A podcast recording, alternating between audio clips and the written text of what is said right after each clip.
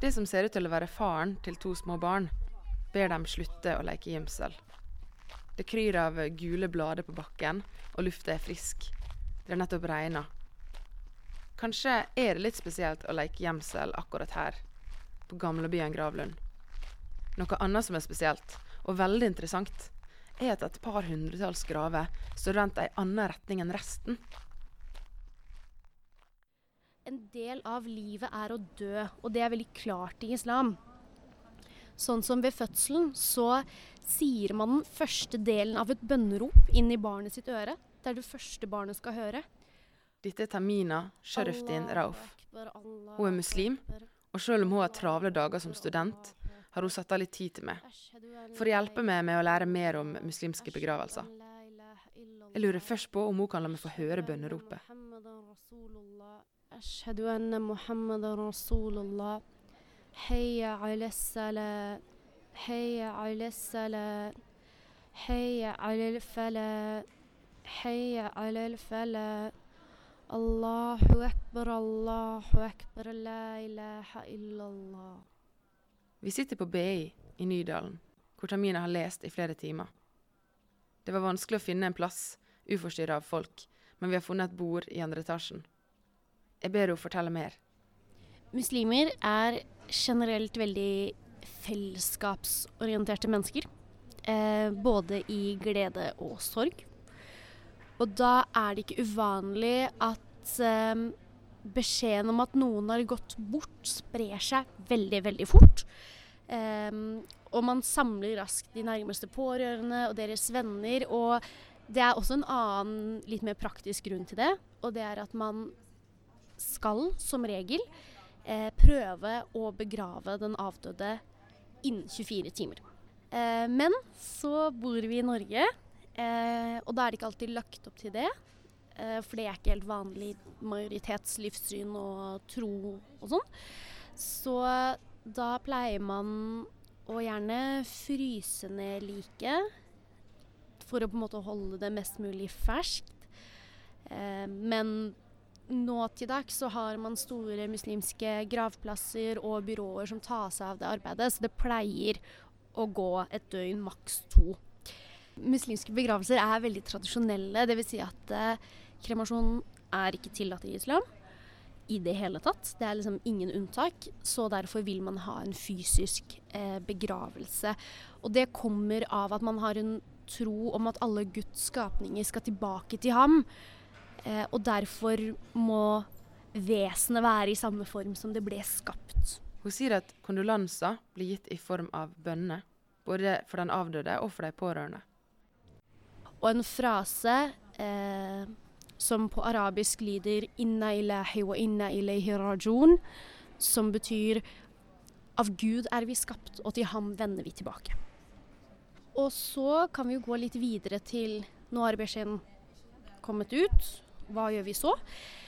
De nærmeste pårørende av eh, gjerne det samme kjønnet som den avdøde, eh, vasker kroppen eh, ved en rituell vask som kalles russel.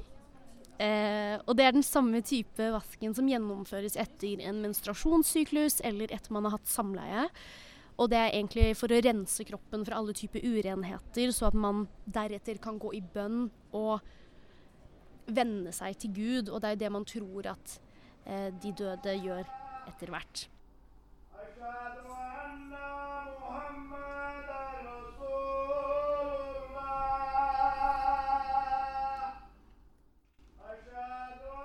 Femten menn står på rekke og rad ved siden av hverandre. Noen er barbeinte mot det røde vegg-til-vegg-teppet, mens andre har valgt å beholde sokkene på. De ber.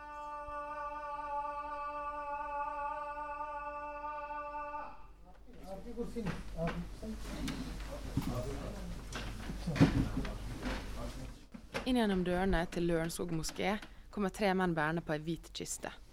Den skal snart brukes som rekvisitt. Syed Rizwan Ahmed fra Muslimsk begravelsesbyrå skal nemlig straks holde et kurs om hvordan man vasker kroppen til en muslim som har gått bort. Jeg møter han på hans kontor på Grønland noen dager senere for å få vite mer om alt som hører med i en muslimsk begravelse.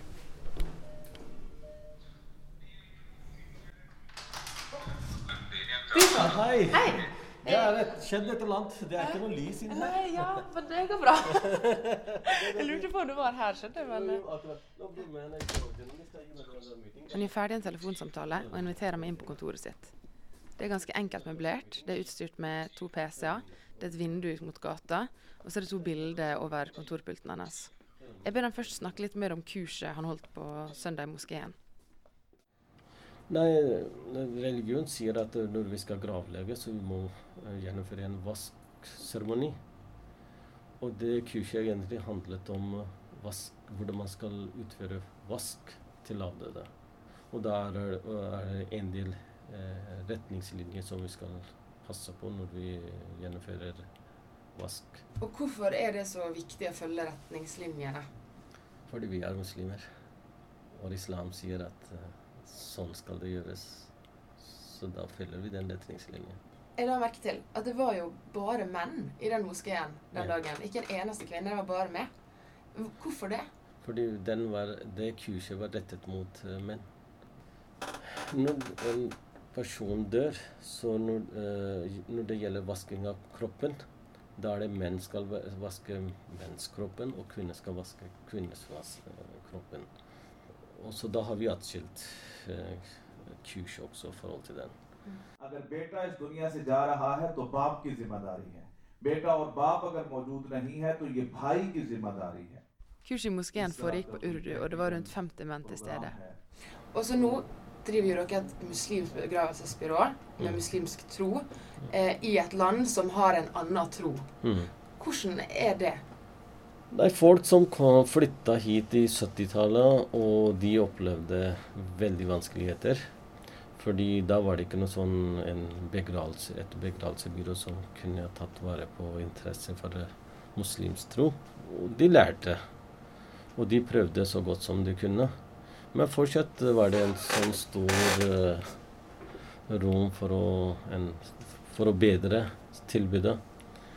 Det, det er riktig at vi har et, eh, et begravelsesbyrå begravelsebyrå som tilpasser forhold til muslimsk tro. Mm, er det noen ganger at det, det norske samfunnet og lover og regler sånn gjør det vanskelig å eh, fullføre en muslimsk begravelse? Eh, nei, det syns jeg ikke. Men det er eh, Norske regler har, eh, har ganske stor eh, rom for å utøve egen tro. og, eh, jeg ser at uh, til og med staten har uh, opprettet muslimsk gravfelter rundt i eh, stort sett i hele Norge. Det er visse regler som man kan si at eh, i forhold til religion F.eks. muslimer vil gjerne gravlegge eh, sine, eh, sine avdøde fortest mulig. Og, men tenk på hvis den eh, døden treffer på en fredag kveld. Da har du fredag, lørdag og søndag, så da kan du ikke gjøre noe som helst. Da sitter du helt stille og bare venter til at eh, kontoret åpner på mandag, og så begynner du å planlegge. Eh, Sånne, små, sånne ting er eh, ikke tilpasset enda. Der, der er det en hindring. For å male et lite bilde, da, på tide med bilde, så er det som regel sånn at man går inn på gravplassen. Eh, og dette er da før selve gravleggelsen skjer. Da står gjerne mennene rundt det som skal bli graven, eh, og utfører denne bønnen. Og ehm, Hvor er kvinnene da? ja. Og hvor er kvinnene midt oppi det hele? Det er egentlig en sånn historisk tilknytning til hvorfor kvinner eh, sjelden er å se på disse gravplassene. Eh, og det var eh, i pre-Arabia, i tiden før islam kom, så eh, viste man velstanden til en person som var avdød, eller hvor mye eh, påvirkning denne personen hadde på samfunnet, det viste man ved jo høyere lyd som ble laget da personen ble døde. Så ofte så pleide familier å leie inn folk som sto ved graven og hylte og skrek og slo seg selv, em, for å vise at liksom, denne personen her var viktig. Dette var noe som em, da islam kom, så var de veldig opptatt av at det skulle ikke ta del, fordi at det avledet oppmerksomheten fra den som hadde gått bort, til noe verdslig som er på en måte irrelevant når en person nettopp har gått bort. Og kvinner ble sett på som vesener, og for så vidt er jo biologisk vesener som er mye mer emosjonelle enn det menn er. Så i mange kulturer så var det i lang, lang tid ikke greit for kvinner å ta del i en begravelse. Men den eh, siste profeten, profeten Mohammed, fred være med ham, var veldig opptatt av at kvinner skulle få lov til å ta del, så lenge de klarte å kontrollere sin atferd. Så, så, i begynnelsen så fikk liksom ikke kvinner være med fordi de rett og slett var for emosjonelle? Ja, for høylytt emosjonelle.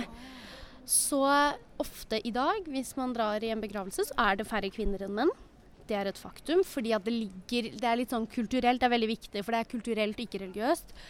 Um, men hvis det først er kvinner der, så står de også gjerne bak mennene. Og det er litt sånn som av samme grunn som at kvinner ber bak menn. Um, for at mennene ikke skal eh, seksualisere kvinnene.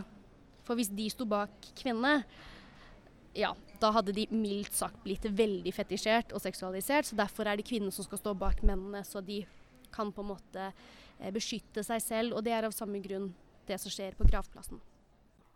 Etter at mennene har bedt bønnen, ber man for den avdøde. Og da hever man hendene i brysthøyde og former nesten en skål for å kunne ta imot alle velsignelser, men også sende disse videre. Dette blir ledet av imamen, da han er mye mer objektiv enn det et familiemedlem vil være i en så sårbar situasjon. Da. Når det er gjort, så er det på tide å gravlegge. Og da tar den nærmeste mannlige pårørende tre never med jord. En under hodet, en under haken og en under skuldrene. Og dette er for å posisjonere kroppen idet den skal gravlegges. Så senker man ned kista. Om mulig så skal hodet rettes mot Mekka, den hellige byen, eller mot Kabaen, den hellige steinen. For det er også der man venner seg til når man går i bønn. Igjen et sånn symbol på noe som man også har gjort mens man levde. Um, og det gjøres, og så ber man gjerne en bønn til. Du husker kanskje den første delen av bønneropet man blir hviska i øret når man blir født? Når grava senkes, hviskes den siste delen. Og man sier at livet er så kort at det bønneropet den avdøde hører i øret sitt rett før den gravlegges, det er på en måte den andre delen av det bønneropet. Allahu akbar, Allahu akbar. Ashhadu an la ilaha illallah. Ashhadu anna muhammadan rasulullah. حي على الصلاة حي على الفلاح قد قامت الصلاة قد قامت الصلاة. الله أكبر الله أكبر. لا إله إلا الله.